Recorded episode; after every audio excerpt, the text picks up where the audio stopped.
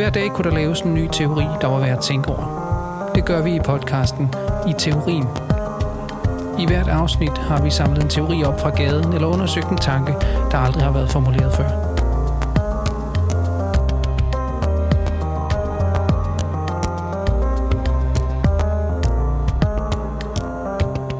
Nå, Jamen, er vi i gang, eller hvad? ja, nu er vi i gang. Men skal vi ikke bare begynde i den ende, så hvor Henrik siger lidt om, hvad han har brugt sine morgener på, sådan på, på, på det seneste?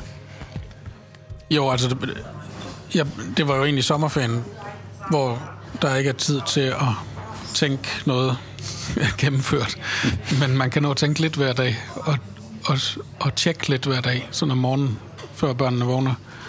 Tænketjek. Så begyndte jeg at tænke over flag, og det, altså, det gjorde jeg jo helt konkret, kan man sige, fordi der var den her højesteretsdom, der kom lige inden ferien, øh, hvor det blev erklæret, det, det er en lang øh, domstekst, øh, tekst, der ligger, men øh, den kan man jo læse inde på højesteret. Altså, øh, kernen i det er, at øh, der var en øh, mand i Kolding, tror jeg nok det var, der var blevet stævnet for at have øh, flag, øh, hejst det amerikanske flag i, hav, i flagstangen. Han var først blevet dømt, men han blev så frikendt øh, ved højesteret med en række begrundelser, øh, som er blevet fortolket sådan til sammen, som at øh, det nu er tilladt at flage med alle mulige flag i flagstangen, og vi troede egentlig, at det kun var tilladt ifølge flagbekendtgørelsen, som det hedder, at øh, flage med det danske flag Dannebro. Øh, og nu tror jeg ikke, vi skal gå ind i den der øh, domsafsigelse helt, men der er flere forskellige ting, der ligger til grund for den. Jeg tror i hvert fald, det er rimeligt nok at sige, at det ikke kun er sådan, at højesteret siger, at nu kan alle flage med alle de flag, de vil, fordi noget af det, de siger, det er, for det første, der var en, en øh, forordning, som kongen udstedte i 1833, hvor kongen bestemte, at ingen må flage øh, med andre flag. Øh, og det siger højesteret, det er der egentlig ikke nogen demokrat, det demokratisk belæg for at sige, at, at kongen i 1833 kunne bestemme, hvad vi må og ikke må i dag, fordi mm. det ikke er vedtaget af, af demokratisk valgte lovgiver. Så var der så i forbindelse med Første Verdenskrig, kom der sådan en ny, der kom der sådan en lov, øh, som handlede om, at man ikke måtte flage med andre landes flag af hensyn til Danmarks neutralitet i forhold til Første Verdenskrig. Øhm, og den har de lagt en del vægt på og sagt, at det kan man godt sige, at det er en begrundelse for, at man ikke må flage med andre landes flag. Men i det her tilfælde, og det, sådan som, nu, det, som jeg læste, det var så, det var det amerikanske flag, der øh, blev hejst, hvilket ikke udgør nogen fare for fortolkningen af mm. Danmarks øh, neutralitet, eller hvad kan man sige, position, international politik osv. Men spøjs nok har det ukrainske flag jo også været hejst en del Ja, på det seneste. det, det tror jeg er samme begrundelse. Det, det, det flugter med vores, øh, med vores øh, kan man sige, standing, kan man sige, Mm, ja. i det internationale samfund, bortset fra, Vores partikulære alle neutrale. kan søge om dispensation, sådan har det også været, ikke? Ja. Ja. det, er- det er det, Ja, man har gjort. Ja. Søge, søge om dispensation til at flage med et andet lands flag. Ja. Men grund til, at man så kan få dispensation til at flage med Ukraines flag, det er nok netop, altså, det er Danmarks officielle position, kan man sige, at vi meget helhjertet støtter Ukraine i forhold til Rusland. Mm. Nå, men det var anledningen, kan man sige. Det var baggrunden Ja. for det. Så begyndte jeg at tænke over det. Hvorfor er det, flag er så vigtige, kan man sige, ikke? Og hvad er det, øh, der ligger i nationalflag? Især, hvorfor spiller det så stor en rolle, at der udbrød sådan en, en form for sommer... Øh, desperation i, i, nogle politiske partier, konservative og Dansk Folkeparti, udformede simpelthen, jeg ved ikke, om de udformede det, men øh, de lovede i hvert fald, at de ville fremsætte et lovforslag øh, ved først kommende lejlighed, øh, for at, at mere eller mindre gøre den gamle bekendtgørelse til gældende lov, sådan at den faktisk får en, en øh, juridisk øh, og demokratisk øh, kan man sige, øh, validitet. Ja, sådan så man skal søge om dispensation for at flage med andre At man flag. kun kan flage med andre landes flag, hvis man søger dispensation og får ja. den, og at man i øvrigt i udgangspunktet kun må, må hejse Dannebro i øh, danske flagstange. Stænger. det vist.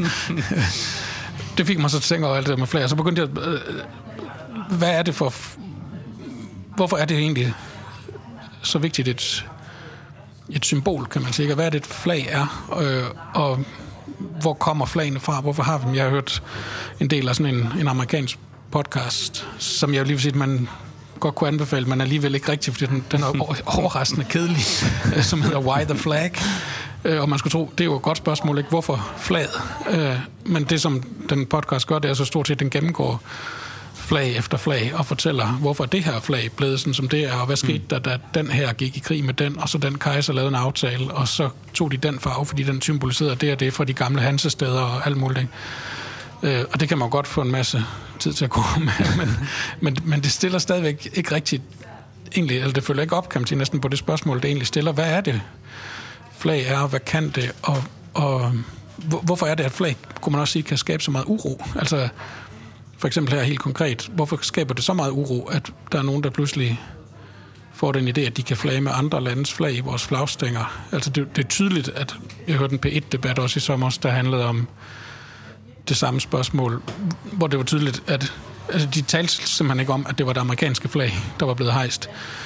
Men der var mange, der udtrykte, at vi, kan, vi frygter, at der kommer palæstinensiske flag og iranske flag og mm. alle mulige andre flag rundt omkring i, i øh, de udsatte boligområder, som det så smukt hedder nu. Ikke? Altså, det var den egentlige frygt. Mm. Øh, så der er, en, der er klart en, en eller anden ambition, et behov for at genskabe en politisk stabilitet, øh, som, øh, som den der højesteretsdom har skabt lidt usikkerhed om. Ja, for man kan sige, det er vel det, er vel det der sådan lidt efterhånden meget brugte glidebane-argument, som bliver brugt på alle mulige områder som så også bliver brugt på flagområdet her, ikke? Okay, hvis, hvis det bare kan lade sig gøre flag med alle mulige flag, man kan forestille sig alle mulige absurde scenarier hmm. i udsatte boligområder og sådan noget, som hmm. sagt, ikke? Og, og, og det kan blive en helt vild glidebane og sådan noget. Ja. Men så er det, man lige tænker, jo, jo, men, men det er jo flag. Altså, hvad... Ja, som en sagde i den der debat, altså, der er egentlig ikke no... glidebanen stopper allerede i de udsatte boligområder, for der er ikke nogen, der har flagstænger. Altså, der, der, der, det er defineret ved at være boligejendom, ikke, hvor man bor i lejligheder.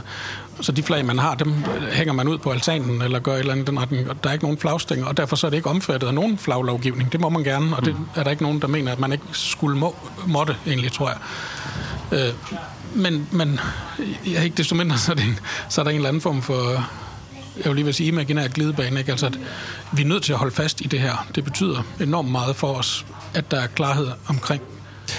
Jamen, det, og det er måske, altså måske er det lige det første, man kan pille lidt i, altså det der med, hvad er det egentlig, altså hvor stor en politisk betydning har flagene? Altså hvad er deres politiske økonomi, kan man næsten sige, ikke? Altså jeg, jeg tænker umiddelbart sådan, man kunne ret hurtigt sige, jo jo, men, men det er en lidt overfladisk, øh, eller det er en diskussion, der bevæger sig på det politiske, øh, sådan, i det politiske skum, eller sådan noget. Det, det er sådan lidt for luftigt og sådan noget. Det er noget med flag, men nu gider vi ikke mere sådan noget symbolsnak og sådan noget. Ikke? Der er ligesom, der er en basis i den politiske diskussion, og den handler om økonomi og omfordeling og alt muligt.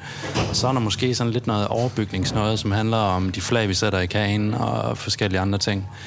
Men så simpelt er det vel ikke, vel? Altså, der, der, der er jo virkelig der er jo grund til at, at tale om flag, fordi det på en eller anden måde altså styrer politiske tanker, idéer, politikudformning, øh, lovgivning, altså alt muligt. Ja, man kunne på en måde næsten vende det om, altså sige, at flaget i den almindelige sådan joviale forståelse, kunne man godt sige, at flaget er sådan, jamen det er sådan pynten på glasuren på lavkagen og sådan noget, ikke? Men, ja. men at man kunne lige så godt sige, at det er det første, det er det, det første skridt, det er flaget, man planter, når man indtager et nyt territorium.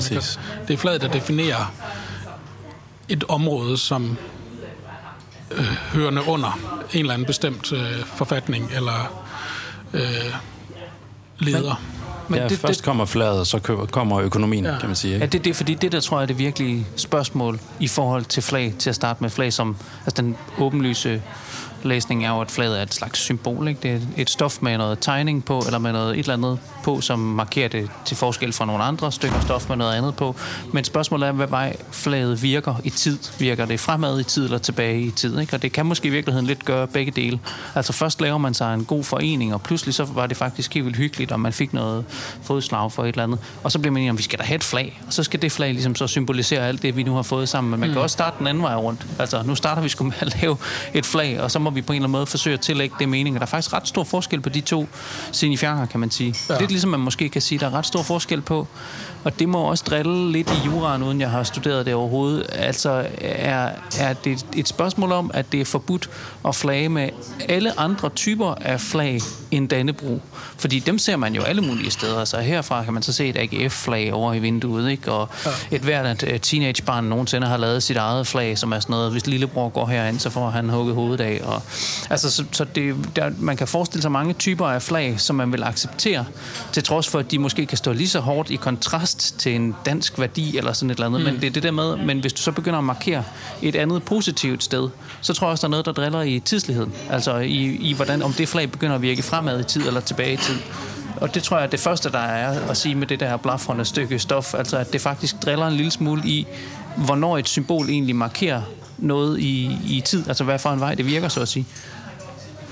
Men lige, lige, lige det der med, hvilke flag man må hænge hvor og sådan noget. Altså, der han, det, og igen, nu hvis, kommer vi ind i juraen i det og sådan noget, men det handler om flagstangen lige præcis. Ja. Altså, hvis du har en flagstang, så gælder flagloven. Flagbekendtgørelsen. Flagbekendtgørelsen. Ja, den kommende flaglov, tror den jeg, man kan sige. kommende flaglov. Ja. Øh, fordi den gamle flaglov var lidt, lidt flagrende, som jeg forstår det. Den stod lidt forskellige Det steder. var bare noget, kongen havde sagt. Jamen, egentlig. det er lige præcis. Ja, så var den der 1914-15 øh, lov, Ja. øh, men som var meget specifik, tror jeg. Men det gælder simpelthen, hvis du har en flagstang. Altså, vidt jeg har forstået, at danskerne er også nogle af noget, af det folk, der har, de, altså, som har flest flagstænger, simpelthen. Ja. Så vi vil med at have en flagstang stående. Men det er rigtigt, jeg har også set uh, AGF-flag vejre fra Ja, ja, flagstænger. Mm. Altså, Jeg ved, om det er lovligt egentlig, det er jeg ikke sikker på. Ja, kan, kan det lade sig gøre? Altså, hvad, hvad, Men må jeg bare lige sige, men det der med tidsligheden, fordi øh, der var også noget interessant i det, synes jeg, en ting, der også slog mig i de ting, jeg sådan nåede at læse og høre om det, ikke, at på en måde er der en del af de sådan helt afgørende spørgsmål om kausalitet eller historik eller oprindelse, som synes nærmest per definition næsten altid at forsvinde ud i en eller anden uklar baggrund. Vi ved ikke helt, hvornår de første flag egentlig brugt. Var det de romerske standarder? Var det de islamiske flag, som kan spores tilbage til Mohammed? Eller hvad, var det Dannebrogs historie egentlig var? Øh, hvor fik vi det fra, og faldt det ned fra himlen? Altså, der, der er sådan en eller anden mytisk præg, som som på en måde også med nødvendighed knytter sig til flagene, at man kunne næsten sige, når flaget først er blevet indført, så er vi næsten nødt til at opfinde en uklar oprindelseshistorie ja. til det, sådan at at det der flag kommer et eller andet sted fra, som man ikke helt præcis kan sige, men det er nok mm. enormt vigtigt, at det lige var på den måde, det kom til verden på. Mm. Ja, det får den der mytologiske status, ikke? Og enhver myte kommer jo så en, altid sådan i en to-tre forskellige versioner, hvor det kan være vanskeligt at sige, hvad, hvad er egentlig den rigtige myte, og det er præcis derfor, det er en myte. Ikke? Ja. Altså, det er fordi myten, den prøver ligesom at formulere noget, som er meget vanskeligt at formulere.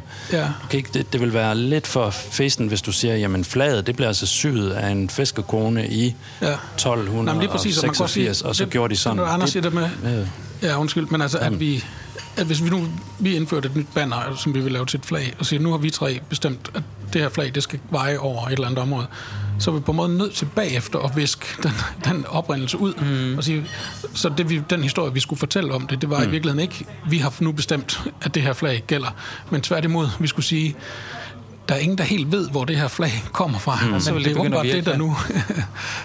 Ja, ja, men altså det der med, at det faldt ned fra himlen, er jo en genial Ja, det kan næsten ikke forklaring blive på bedre. den måde. Ikke? Og, og igen, man er jo sådan lidt i tvivl om den præcise datering. Altså var det, var det 1219? Jo, men hvad var det så for et slag, og hvordan præcist og sådan noget? Og, og hvis det var 1219, var det vist nok et slag, vi tabte faktisk, så det er ikke så godt, så det kunne måske have været et andet slag. Sådan, der er alle de der.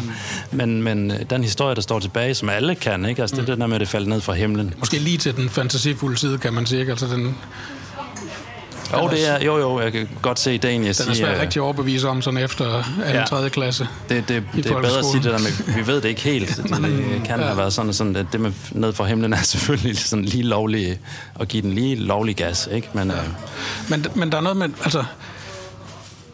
Ja, det, det var på en måde nogle af de her spørgsmål, kan man sige. Det var nogle af dem, som jeg som blev optaget meget. Og så, så har vi haft sådan lidt snak om, hvad er det...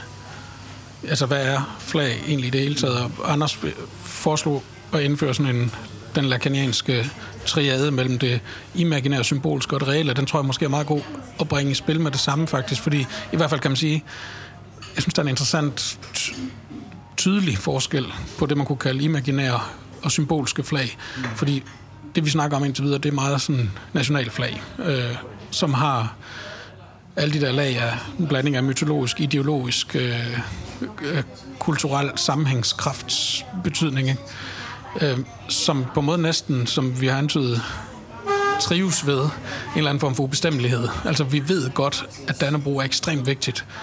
Men lige præcis, hvad det symboliserer, det er vi ikke sådan... Det, det kan, behøver vi ikke at være helt enige om, næsten, kan man sige. Mens der er nogle andre flag. Altså, der er jo mange slags flag, øh, som ikke er nationalflag, altså man ikke hænger op i flagstangen, altså signalflag til havs for eksempel, ikke? eller i militæret, Jo. øh, som har den karakter, de netop skal være fuldstændig skarpt øh, identificerbare i forhold til en helt præcis betydning, som de har. Det, det her flag betyder, øh, vi har en pestramt ombord, ikke? eller Jo. vi om bagbord, eller... Øh, Ja man, ja, man kan måske sige, at det er en forskel, altså det imaginære symbolske der, mellem at forstå flaget som en eller anden lidt ubestemmelig værdi, eller noget, vi kan spejle os i på en eller anden måde, ikke? Og det symbolske vil så være flaget som direkte som en ordre, altså som et Ja. ja. system af ordre, der på en eller anden måde skal være klart defineret fra hinanden, altså Ja. ja. i et betydningssystem, ikke? hvor der er forskel mellem, om du vifter med det ene eller det andet flag, betyder det altså to forskellige ting. Hmm. Øh, ja, så på den måde kan man skelne mellem det, det imaginære og det symbolske niveau for flagene. Ja. Og det symbolske, det, jamen, det er jo som også, man kalder signalflag nogle gange, ikke? Altså, som sender et så entydigt som muligt signal. Altså man kan også, jeg tænker på det flag, man viser i et motorløb, når den første bil kører over målstregen, ikke? Ja. Det der præg, hvad hedder det, sådan ternede, hvide og sorte flag. Det er på en måde også så entydigt symbolsk, som det næsten kan blive. Altså her har vi fundet vinderen øh, på nuværende tidspunkt, ikke? Men Betyder det ikke sidste omgang, egentlig? Det tror jeg er et andet flag. Skidt. Okay. Men det ved jeg ikke. okay. Det, men igen, jo, da, hvis man tager motorsport, så er der netop forskellige flag. Ikke? Jo, jo, jo. Hvis der kommer en bestemt farve flag ud, så betyder det, at nu skal alle køre ind til siden eller et eller andet. Ikke? Og det, Jo, skal også, jo. det skal helst være meget tydeligt, mm. hvad man mener, sådan at, Ja. at man ikke kører sammen øh, med 300 km i timen. Ikke? Ja, der må ikke være den lille misforståelse villighed. Har jeg vundet, eller er Du det mente til højre, jeg ja, til venstre. Ja, nej. Men okay, men, men der kan man så også jo, i forhold til det, du lige siger, Brian, eller den forskel, I begge to lige optegner, sige, at vi har egentlig også en rimelig simpel, øh, men tror jeg faktisk meget god udgave af forskellen på, hvad man sådan i, i øh, strukturalistisk psykoanalyse, lad os kalde det det, kunne sige, var forskellen på en S1 og en S2, altså på den første signifiant og den anden signifiant, altså hvor den anden signifiant, eller batteriet af signifianter, batteriet af betegnere, det sted, hvor, hvor alle symboler ligesom er gået i forbindelse med hinanden, så at sige, det vil være signalflagene, og mm. der skal det være klart, om er det et ja-flag eller et nej-flag, er det et højre-om-flag eller et venstre-om-flag, men Dannebro har jo ikke den betydning, og det er selvfølgelig det, der driller, ikke? Altså, at hvis nu alle flag var signalflag, hvad man måske på en eller anden sådan spontant niveau faktisk lidt forestiller sig, bare sådan, altså, så Dannebro markerer bare, her begynder Danmark, for eksempel. Mm. Det hænger jo nede ved grænsen, ikke? Mm. Øhm, men, men problemet er, at, at det ikke kan nøjes med at være en S2, altså det kan ikke nøjes med at være sat ind i det symbolske. Dannebro for eksempel er også en S1'er, eller fungerer som en S1, hvilket vil sige, det sætter på en måde også en ny orden, og det gør mm. det nærmest hver eneste gang, man rejser det. Hejser det, hedder det vist. Øhm, og, og, og det betyder noget i retning af, at at der begynder en ny kæde af betegnelse, altså mm. en S1 eller en mestersignifiant, som det også hedder, er det, at, at en ny, en ny øh, række af mulige betydninger ligesom åbner sig, og det sættes først efterfølgende fast, hvad den så betød, eller hvad den betyder. Og jeg tror, det er den lille spøjse usikkerhed, som er hver gang, man, at man bruger et nationalt flag til noget som helst, at det faktisk iscenesætter og i gang sætter en ny gnidning eller glidning af betydninger, som, øh, som samtidig så betyder, at der er en lille åbning i det. Altså derfor er der noget, der altid står åbent i et, i et nationalt flag for eksempel, eller mm. i, et, i et imaginært flag, et flag, som kan fungere som sådan en, en S1, altså en mesterbetegner på en eller anden måde, som vi ikke helt kan afgøre, hvad det betyder altså. Der er på en måde en, en fin øh, illustration af det, tror jeg, at i, sådan i maritime flag, altså det er ikke, fordi jeg er sådan helt stærk i det, men øh, man siger jo det der med, at man sejler under det danske flag, eller man sejler under Panamas flag. Og det er på en måde under, det er jo netop, at, at der i agter, der, der hænger det flag, som man sejler under. Og så har vi så alt det, der er under det flag. Ja. Det er det, der er ombord Ja. på skibet, kan man sige. Og det er blandt andet alle signalflagene, som er hele kæden af S2'er, som, Yes. som kan foldes ud og kommunikeres til andre. Men der er et eller andet, det skal være under, for at, at man, kan for at det fungerer. Altså for at Ja, man har sin klart. plads i den symbolske orden, så at sige. Det er en god Der er læsning. vel også et eller andet stadigvæk, altså i det der, altså det som vi nu kalder S1'eren, eller f- flaget i det imaginære, som, eller det ved jeg ikke lige, om, om, vi, om vi tænker, at det er helt er det samme, men, men altså nationalflaget har karakter af en, en S1'er, som du siger, ikke, det sætter nogle ting i gang, men det har jo også karakter af at være det der fantasme, eller det der, måske også sådan et, et spejl, vi alle sammen kan spejle os i, og føle os godt tilpas i, og se op til, og være en del af, og føle den der nationale følelse, mm. som griber tilbage til den der mytologiske fortid, som ingen helt ejer, men som alligevel på en måde ejer os, ikke? Og der er sådan en eller anden den er nødvendig for at have det her sammenhold, som ingen ellers helt kan give mening til. Hvad er det egentlig? Jamen, det er jo, at når Danneblå øh, vejer på en blå himmel over på en grøn bakketop eller et eller andet, ikke? Altså, der er sådan den der særlige følelse omkring det, øh, som mange vil påpege ligger i det at, at have et forhold til flaget. Så der er den der imaginære spejlingsmekanisme, altså at vi bliver til i og med, at vi spejler os i i den her flade, som allerede viser os noget om, hvem vi er, simpelthen. Uanset at det er meget svært at finde ud af præcist filosofisk, hvem vi faktisk er, hvis man begynder at spørge ind til det. Det er også det, der ligger i hele den der kulturradikale kamp, der har været nu i mange år efter, at Dansk Folkeparti i 90'erne virkelig begyndte sådan at, at tage det til sig, det der øh, Dannebrog, eller ikke tage det til sig, men begyndte faktisk at skabe sådan en form for ejer, ejerforhold over det, ikke? hvor jo, alle mulige deres, selvfølgelig helt... Med deres plakater. Ja, ja, præcis. Ja. Men hvor alle jo meget sådan rimelig begyndte at opponere imod, nej, vi kan bruge flaget til alt muligt, og det betyder noget andet for mig end for dig. Og sådan, okay, men så mm. ved man, det er en S1'er, fordi den går ikke med signalflag. Sådan, nej, men ja, du siger start, jeg siger stop, du siger mm. højre om, jeg siger venstre om. Vi kan lægge i det, hvad vi vil. Det går mm. ikke. Mm. Øh, men men, men det, det, det viser på en måde, at det, at et, et nationalflag springer ud af hele den orden, springer ud af ordenen for, for betegnelse simpelthen. Ja, og man kan sige, at et nationalflag betyder intet og alt. Altså, ja. altså på, en, på en måde betyder det intet i den forstand, som en anden sag i den der pit-debat, at det er jo bare et stykke sejldu. Altså, der er jo ikke noget særligt ved det her. Hvorfor skulle det have så stor øh, mystik omkring sig og sådan noget? Og samtidig betyder det alt, altså fordi det, det er fyldt med alle mulige libidinøse investeringer, kunne man mm. sige, med forret. Altså, hvor vi lægger alt muligt i det, for at og der på en måde er der i, i bedste øh, altså sådan diskursanalytisk forstand en, en, en diskursiv kamp om, hvad det her symbol skal betyde. Det bliver overdetermineret af forskellige forestillinger, for eksempel om danskhed, eller om værdier, som man kalder det, ikke? eller øh, tilhørsforhold eller øh, historie, eller andre ting, som... Ja, på den måde har det det der karakter af et objekt, som vi ikke rigtig kan sige, hvad... Ja, på en måde er det lidt det tabte objekt på samme, måde, på samme tid, som det er det sublime objekt. Altså nu tænker jeg lidt på den her, hele den her guldhorn øh, nationalromantik, som voksede frem der i 1800-tallet. Ikke? Altså et, et guldhorn. Nu har vi simpelthen fundet de her horn, som er sådan en oprindelse til, hvad det vil sige, at vi er dem, der bor her og tænker på en bestemt måde og, og har bestemte, hvad ved jeg, værdier gemt i os på en eller anden måde, ikke, som ligger langt tilbage og sådan noget.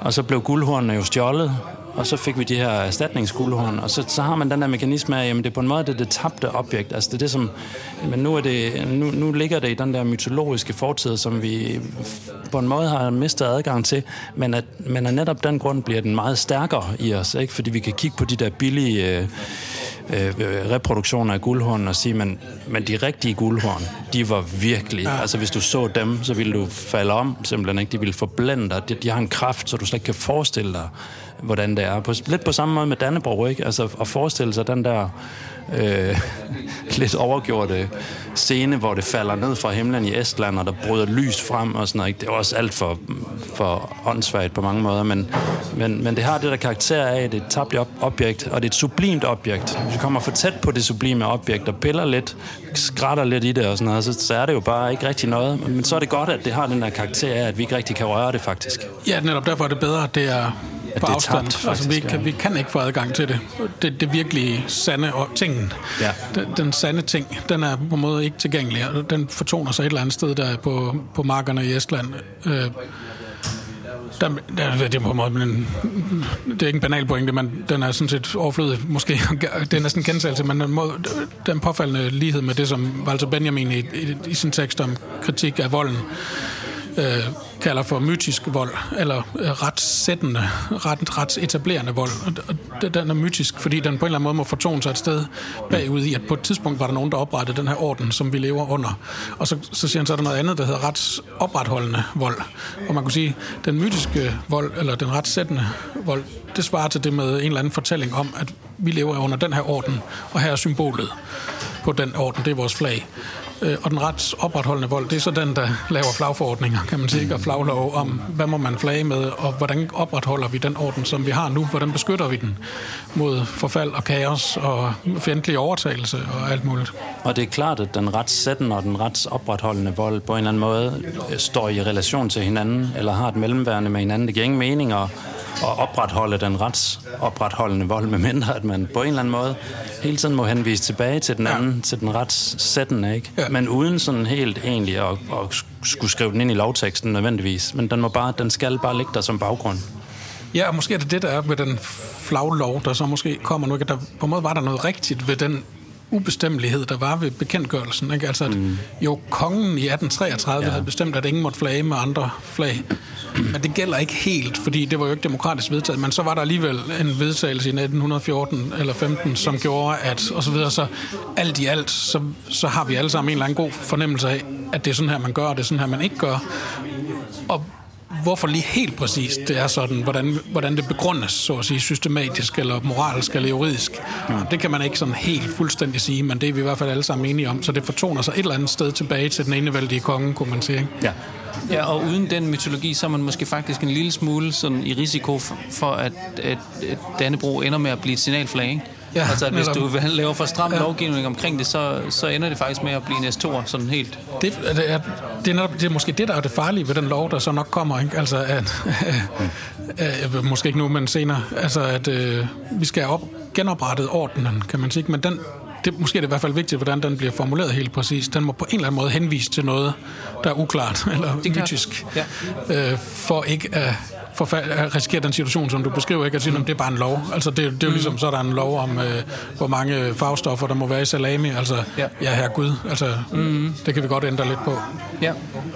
Og måske er det faktisk også, altså det ved jeg ikke, jeg har ikke tænkt det helt igennem, men der er et eller andet i forhold til, der er jo ret mange, så at sige, imaginære love omkring, hvordan man håndterer et flag.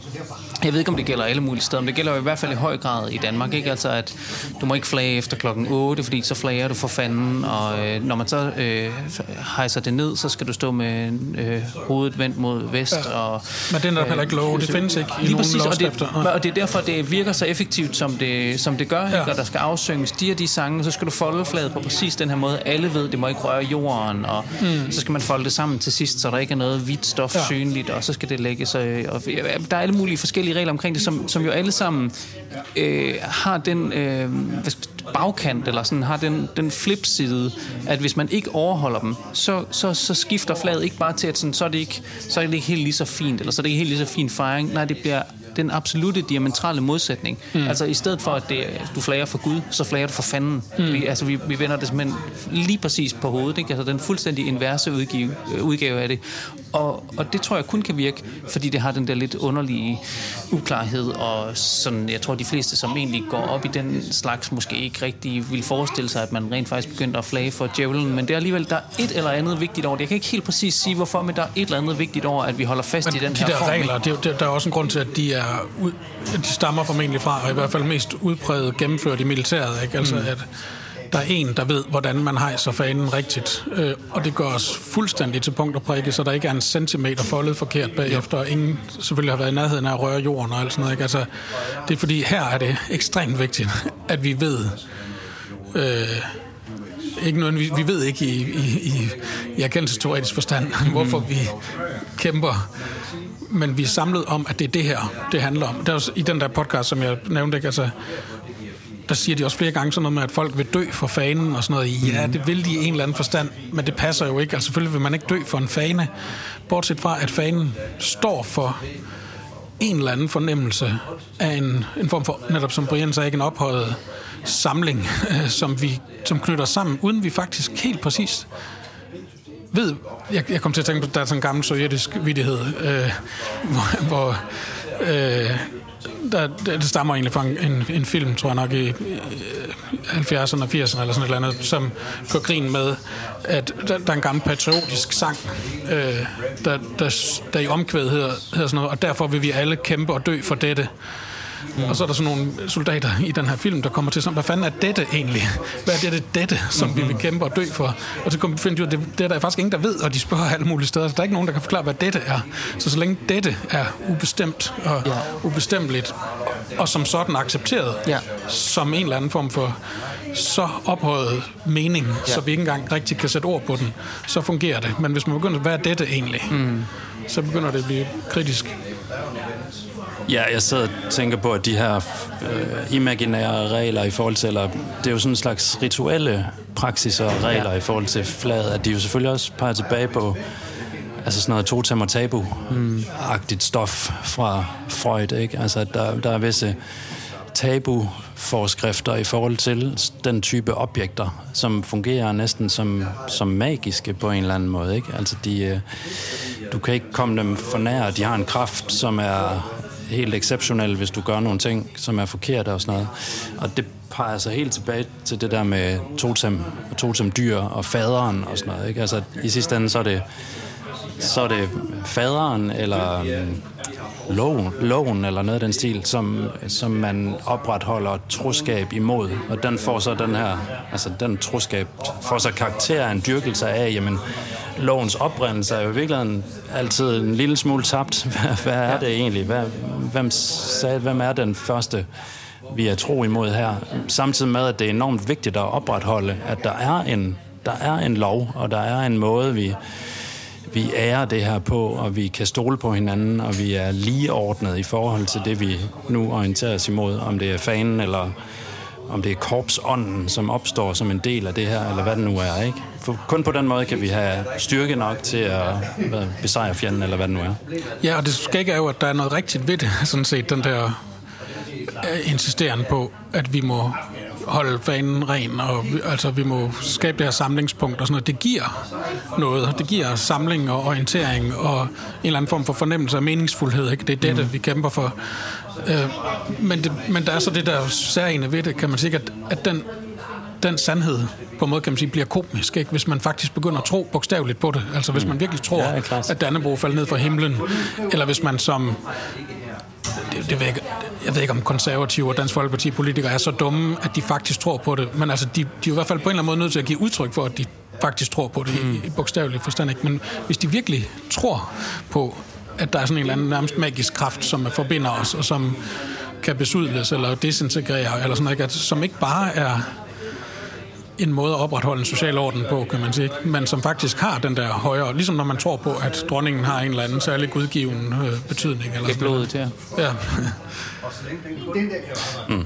Men, men øh, måske det, det skridt, vi så mangler, eller som kunne forstyrre det her her, fordi det lå sådan lige lidt mellem linjerne i det, du sagde, Briansen, okay, så skal man forestille sig, at det radikale er at komme helt af med flaget, eller få væltet totempælen, eller sådan noget. Det, det er det selvfølgelig ikke. Det vil sådan set være en, en handling, som vil være fuldt ud gældende inden for det symbolske univers, som den forsøger at gøre noget ved, eller inden for det register, som den forsøger at gøre op med. Altså, det er bare en anden måde at være besnæret i det på, lidt ligesom man kan sige, vil det hjælper at designe flaget om? Nej, det er fuldstændig underordnet, og, og det er der, hvor det tredje register, vi ikke rigtig har berørt, og det har vi ikke berørt, fordi det er så pisse svært at have med at gøre, øh, kommer i spil. Spørgsmålet om det reelle, ikke? Altså, hvor man kan forestille sig, øh, vi kan godt lave distinktionen her mellem et flag i det imaginære og et flag i det symbolske, altså den klare betydning af et ja-nej fra det symbolske, og, og den her lidt mere imaginære størrelse af et, et dannebro for eksempel, som kan betyde alt muligt danskhed, kan jeg godt identificere mig med, men jeg kan ikke helt sige hvorfor, eller det betyder lidt noget nyt for alle dem, der skal forsøge at lave den identifikation, så er der det der spørgsmål om flaget i det reelle, som er noget råd. Og det, det betyder jo så meget som, at der er en dimension af det at symbolisere, som i sig selv, som i sig selv forstyrrer symboliseringen simpelthen. Mm. Altså som ikke rigtig lykkes med at sætte det på plads, som det sætter på plads. Øh, og måske kan man sige, hvis altså signalflaget håber på at være entydigt og klart. Altså, øh, og så skal vi lige blive enige om, om det er sidste omgang, eller om det er, du har vundet løbet, men det kunne vi så få, mm. få afgjort, eller du skal køre højere om den her kejle, eller du skal ikke øh, gå herind, eller hvad det nu betyder. Øh, der er også nogle badeflag, og så skal man lige have styr på, om det er det giftigt badevand, eller hvad er det der. Men problemet med alle dem er jo også, at de samtidig stadigvæk er flag. Altså, de er en betegner, der sætter sig ind som betegner. Min yngste søn, som kun er et år, han har lige været igennem en lang periode, hvor hver gang han ser noget, der blaffer, så bliver han helt lykkelig og springer op og vifter med armene og siger flag.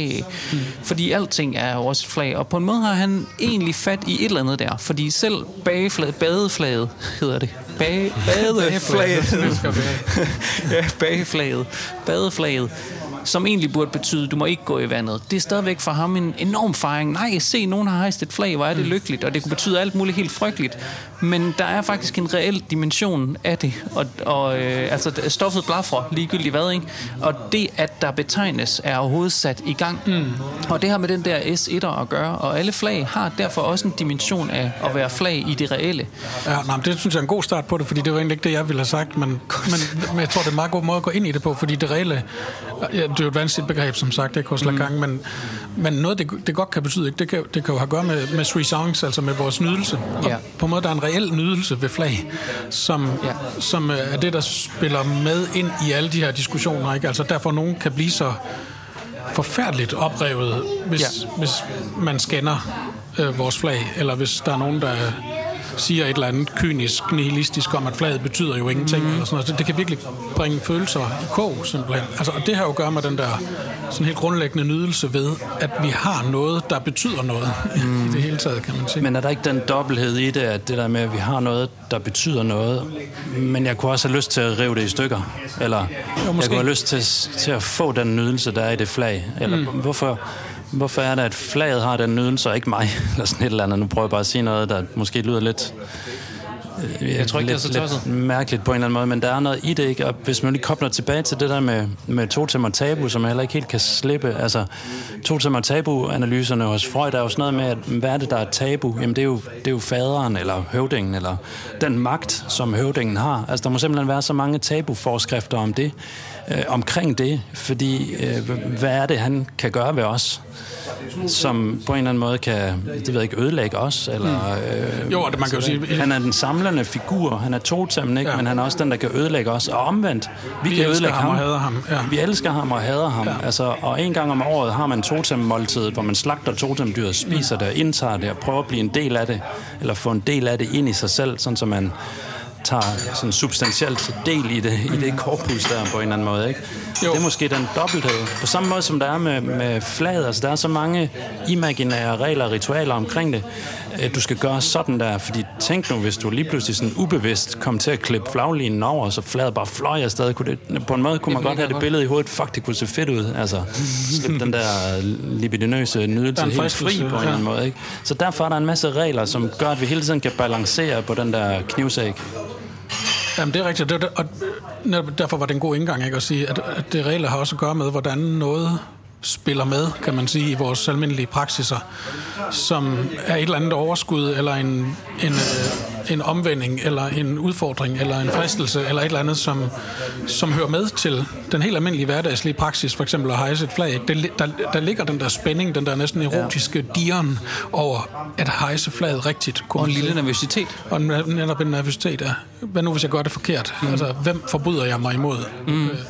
Og hvilken straf ja, vil jeg få? Der er måske to måder at gøre det på. Ikke? Der er den perverse måde, hvor man bare er et instrument for flagets nydelse og gør mekanisk det, man skal til præcision. Og det er på en måde det, man lærer i militæret. Ikke? Det er at, at gøre de ting, man skal øh, og, og rette ind på gelederne, og alle gør det samme ganske enkelt, ikke? Mens den neurotiske nydelse er jo lige præcis det der med, whoop, kommer jeg lige til at gøre noget der, eller røre snippen lige ved jorden, og hvad betyder det nu? Altså, mm. hvad har jeg nu gjort på en eller anden måde, ikke? Ja. Eller jeg kan faktisk næsten ikke lade være, når jeg tager det ned med, det at, altså, at sådan, ja. jeg, jeg er faktisk nødt til lige at få fladet til at røre jorden, bare lige ja. en enkelt gang. Altså, ja. fordi... Der var jo den der mærkelige, øh, formentlig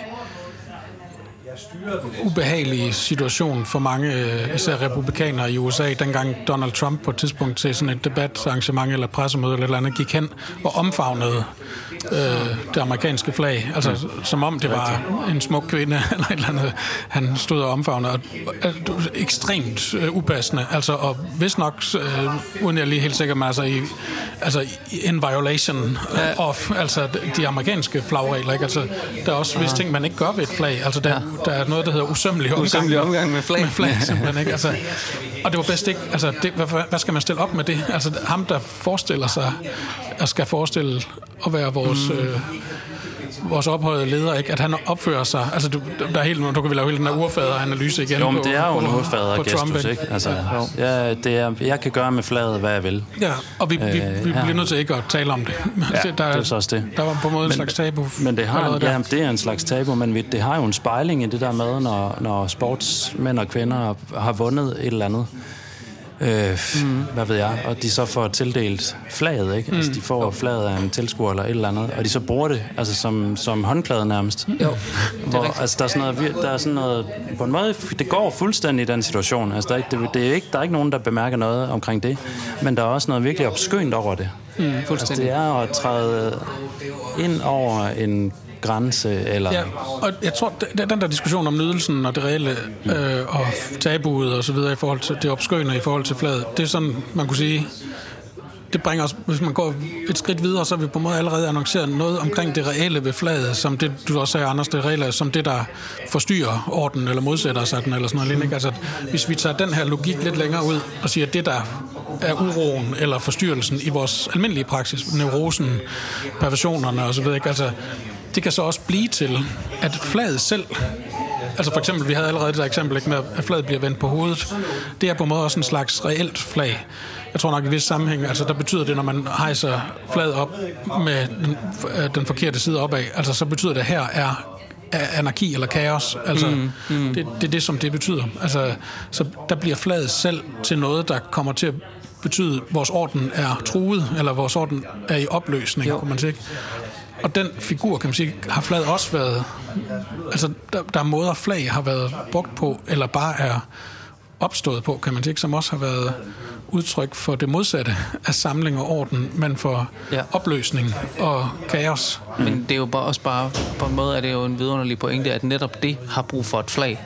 Altså, at det ikke er et, det, hvad er et anti-flag? Det, Ja. er, det er i sig selv et flag. Altså, Der er det nødt til at slipper hejse ikke et ud af. flag, der viser, Ja, at flaget jeg tror er også, krise. at så at Her, her hersker kaos. Ja, men, og det vil også være en del af pointen, ikke? At, at et hvert flag har sin egen besudling indbygget i sig, på en eller anden måde, ligesom en hvert totem har muligheden for at blive spist af dem, som egentlig skulle adlyde totemmen. Altså, den, den transgression, den overskridelse, ligger allerede som en del af den øh, reelle kapacitet, som flaget har, eller den libidinøse kapacitet, som flaget har. Hvis ikke der var muligheden for, at det kunne besudles eller blive spist, ville det ikke være et ordentligt flag, vel? Så ville det være et symbolflag. Ja. Man gør det jo helt konkret. Altså Ja, mange, undskyld, signalflag. mange fødselsdagskager er jo flag, eller har flag på sig, som man så spiser. Helt konkret, ja. ikke? Altså, ja. jeg mener ikke de der små plastikflag, men altså, at man kan i glasuren male et flag, ikke? Ja. Øhm, og, så, og den besydling er jo helt klar. Altså, det er jo mærkeligt, at så, så hvis snippen rører jorden, så er det en dødssynd, men du må gerne Ja. sætte den og spise det bagefter. Det Ja, er du jo må også gerne lave en hel lavkage med Dannebro over, og så skære ja, i den, og så spise ja. den og Det er indtage næsten den. sådan en den lille nadver-ceremoni. Ja, det er det. Men det er det jo. Ja. Altså, det er jo at indtage selve Gudens Det er Jesu Kristi lame. legeme, ja. Ja. ja, det er det. Ja. Men så, så på den måde, altså det er klart, at det er den reelle libidinøse dimension, altså den dimension, hvor vi siger, der er noget her, som fungerer for os på en måde, hvor vi kan ikke nå logisk til bunds i, hvorfor det gør det, men det fungerer på en måde næsten som et symptom for os. Ikke? Vi kan ikke lade være med at nyde flaget. Det kan ikke lade være med at nyde os, og vi kan ikke lade være med at overtræde den grænse, hvor vi besydler det, eller eller på en måde opskønt kommer til at, op, eller behandler det opskønt på en eller anden måde. Så, så på en måde er den reelle dimension indbygget i det allerede fra ja. begyndelsen af, ikke? Men og så kan den også så gøre, i visse tilfælde kan den så gøres helt eksplicit. Ikke? Altså vi snakkede for eksempel inden om, om der både, det var både, jeg kan ikke huske, hvad der var først i DDR i Rumænien, men altså begge steder, der skete der det, at man øh, klippede en cirkel øh, i midten af flaget og klippede de kommunistiske symboler ud af flaget, dengang i 1989, øh, da opstandene kom rundt omkring, ikke, og de gamle regimer brød sammen osv. Og der var der mange, både i Østtyskland og i Rumænien, der simpelthen flagede med deres nationalflag, men med et hul i midten. Altså, og der, kan sige, der får vi jo meget præcis, den kan næsten ikke blive tydeligere, altså en illustration af det reelle flag, ikke? altså flaget, som hejses, men, eller flages med, men som som sit mest udbredte kendetegn har ikke at have noget symbol der, hvor der var et symbol, kan man sige. Og det er jo også at gå igen fra, fra S2'eren til S1'eren. Altså det er jo at sige nu, det her symbol på en måde også låst sig fast i en bestemt forestilling og fortælling, vi ikke rigtig kan se os i. Mm. Men vi kan ikke bare positivt lave et nyt flag. Vi er nødt til på en måde at gå tilbage til den rene mulighed, altså til at gøre det til en S1'er. Vi må bare klippe ja. det her ud og lade mulighedsrummet stå åbent der ja. i midten som et ingenting, simpelthen.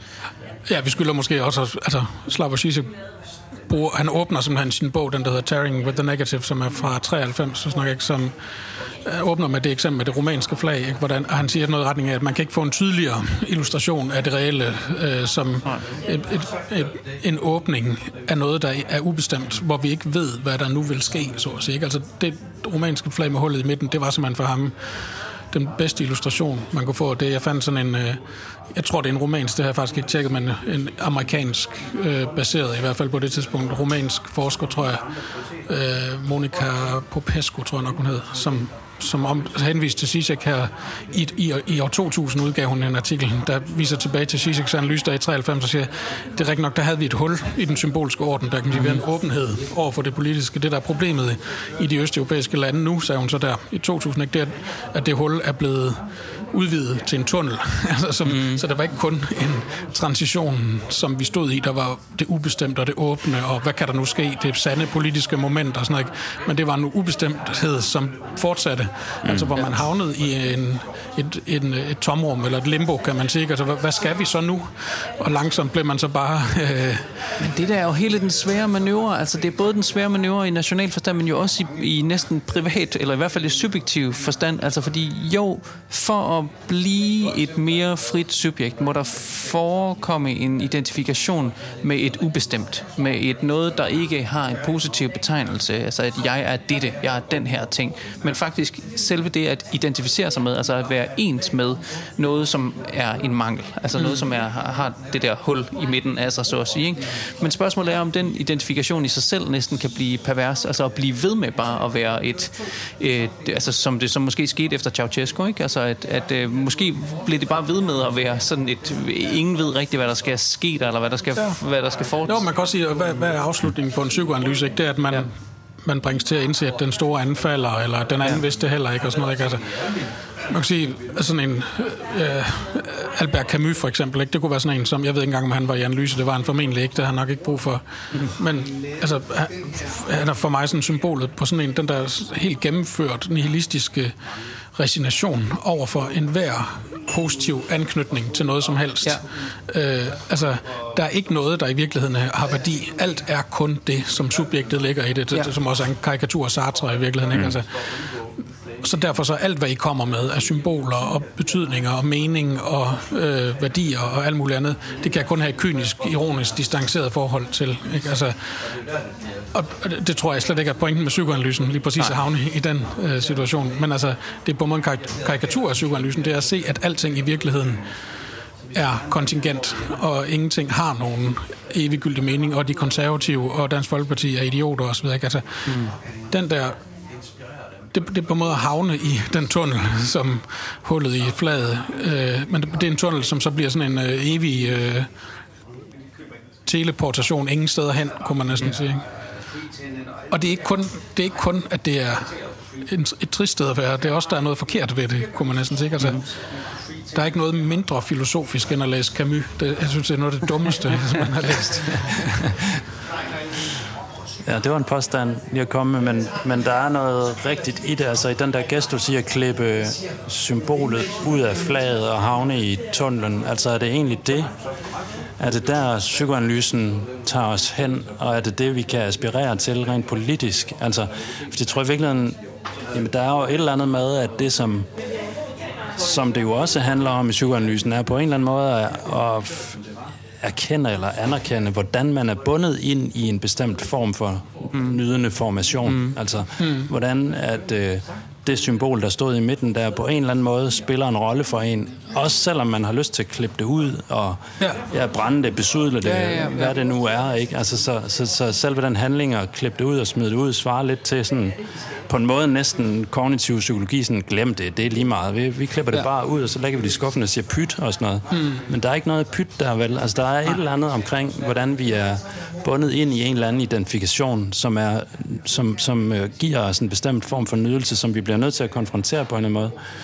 Så kommer jeg til at tænke på uh, det her slovenske kunstprojekt Leibach, som jo har leget med den der altså med den omvendte af at klippe symbolet i midten ud, nemlig en form for overidentifikation med øh, forskellige former for totalitære symboler og instanser og sådan, senior, øh, en senior øh, uniformer og, og, og former for magt og sådan noget, ikke? Hvor, hvor pointen på en måde er, at, at den der øh, den der magt, den der dimension af magt, den bliver ved med at spøge i os. Altså det, på en måde det er den, vi bliver nødt til at konfrontere, hvis vi skal tage skridtet videre, uden at jeg lige kan sige præcis, nej, nej, hvordan det er de... Fint. Er det ikke det? Altså, for jeg tænker også tilbage til Totem og Tabu, ikke? Altså, Freuds lære er jo ikke, at Ja, det er det, ved jeg ikke. Der er nogle gange, når han er i dårligt humør, eller øh, i nogle skrifter måske mere end andre og sådan noget. Men altså, ja. men det, jeg tror ikke, det, det, jeg i hvert fald synes, man kan sige, der er interessant at tage ud af Freud, det er ikke, at, at øh, det, er ikke, det er ikke sådan en eller anden kynisk distanceret holdning til alle former for følelsesmæssig investering, eller hvad kan man sige, noget i den retning. Nej, bestemt ikke. Men det er tværtimod det, du har fat i før, det er ambivalensen. Altså det, som, som hvis der er et ideal for psykoanalysen, så er det på en måde at håndtere sig sin ambivalens. Det er ikke at gennemskue altings mm. tomhed.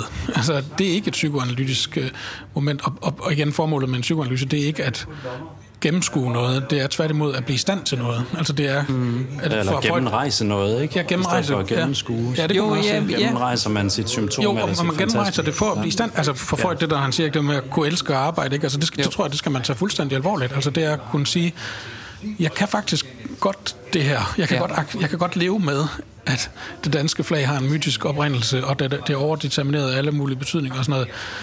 Hvis jeg tænker på, altså i forhold til vores metafor så fra før, altså, så hvad er, hvad er opgaven i forhold til flaget med hullet i midten? Altså, man gennemrejser det måske nok ved at kravle igennem det eller et eller andet, men der er noget med at undgå at havne i, i tunnelen. Altså, så det er helt sikkert ikke, som du siger rigtig nok, Brian, altså, det er ikke et spørgsmål om at forlade det. At sådan, det er jo bare et åndssvagt stykke stof, og sådan, det, er, det er jo ikke indsigten sådan desillusionering. Altså, at hvor, hvor banalt det, det er. Men det er også et spørgsmål om at undgå at komme til at sidde fast der ja, i fladen, når man, når man kravler igennem. Måske skal man kravle igennem det, og så kravle igennem det igen hver eneste dag næsten. Altså, at, at du er nødt til at, at gennemgå ja. den mangel hver, hver eneste dag, lære at være med det, at der er et hul i flaget. Ikke? Netop. Altså, man kunne sige, ligesom kynismen ikke er nogen god løsning, så, så, så, er det jo, så er det jo rigtigt nok, at der er også brug for en eller anden form for, lad os sige, terapeutisk behandling af den mærkværdig fascination ved flaget, som symboliserer alle mulige værdier og sammenhængskraft og sådan noget, som når vi snakker, altså det vi snakker om tidligere med, tror de virkelig på det? Altså, når der, når der begynder at blive et tegn på, at der er for mange, der virkelig tror på det, så kan man sige, så er der, så er der brug for lidt Camus, altså ja. sådan i, i, små doser, men ikke desto Eller nogen, eller nogen der, der hænger fladet på, på hovedet, eller klipper hul i det, eller hejser et... Øh, Dan Tyrell har sådan en fantastisk fortælling et sted, øh, en omtalte den som en novelle, så jeg fornyet. Jeg, jeg troede egentlig bare, det var en dagbogsoptegnelse, men det, det, kan, det kan jeg ikke lige huske, hvad det egentlig var. Men han fortæller i hvert fald om en tur i sommerhus, hvor en af hans venner hejste det østtyske flag, dengang der ikke var hul i. Men altså simpelthen hejste det østtyske flag i flagstangen i sommerhuset, og simpelthen fik besøg af, af politiet, altså, som tog det meget alvorligt, så du kan se. Altså, lige at hejse et østtysk flag en gang imellem. Altså, man kan sige, det, det kunne da godt hjælpe lidt imod. Altså, og så på en måde måske... Øh, ej, det ved jeg ikke. Jeg, jeg, jeg, jeg, jeg, jeg er lige på vej til at træde ud i et eller andet øh, Gør det. Sump, med, Gør det. med noget sådan, er folkeoplysende eller moralsk opbyggeligt eller sådan noget. Men altså på en måde... okay, gør det bare som så. Nå, men altså lad det reelt fylde noget, kan man sige, i forståelsen af flaget, for nu at sige det ja. på den måde. Så ikke? Altså at flag er også reelle. Altså de har ja. den der dimension af nyd, excessiv nydelse. De har den dimension af kontingens ubestemmelighed ja. og uklar oprindelse, som bliver udnyttet ideologisk og så videre. Ikke? Og de har det ved sig, at de også, altså vi snakker også om inden det, det amerikanske flag på månen, mm. eller de amerikanske flag på månen, er formentlig, man, har, man kan ikke rigtig se dem, for man kan ikke stå og kigge lige på dem, men man kan se dem op for nogle sonder. De er formentlig fuldstændig falmede nu, ikke? Altså, øh, jo, hvide ganske Hvide, altså mm. fordi på grund af UV-stråling og mm. atmosfæriske forhold og alt muligt. Altså, på en måde huske på, at det amerikanske flag falmer, så at sige. Altså, at det står deroppe på månen og mister sin glans. Altså, og det, der er tilbage der, det er på en måde det reelle. Det er plantet der. Det symboliserer en eller anden form for magtdemonstration, ikke? Og så falmer det igen. Altså, flaget er under den, den, den farverige overflade stadigvæk det der blanke, ikke bare et... Den rene forskel på en måde, ikke? Ja. ja.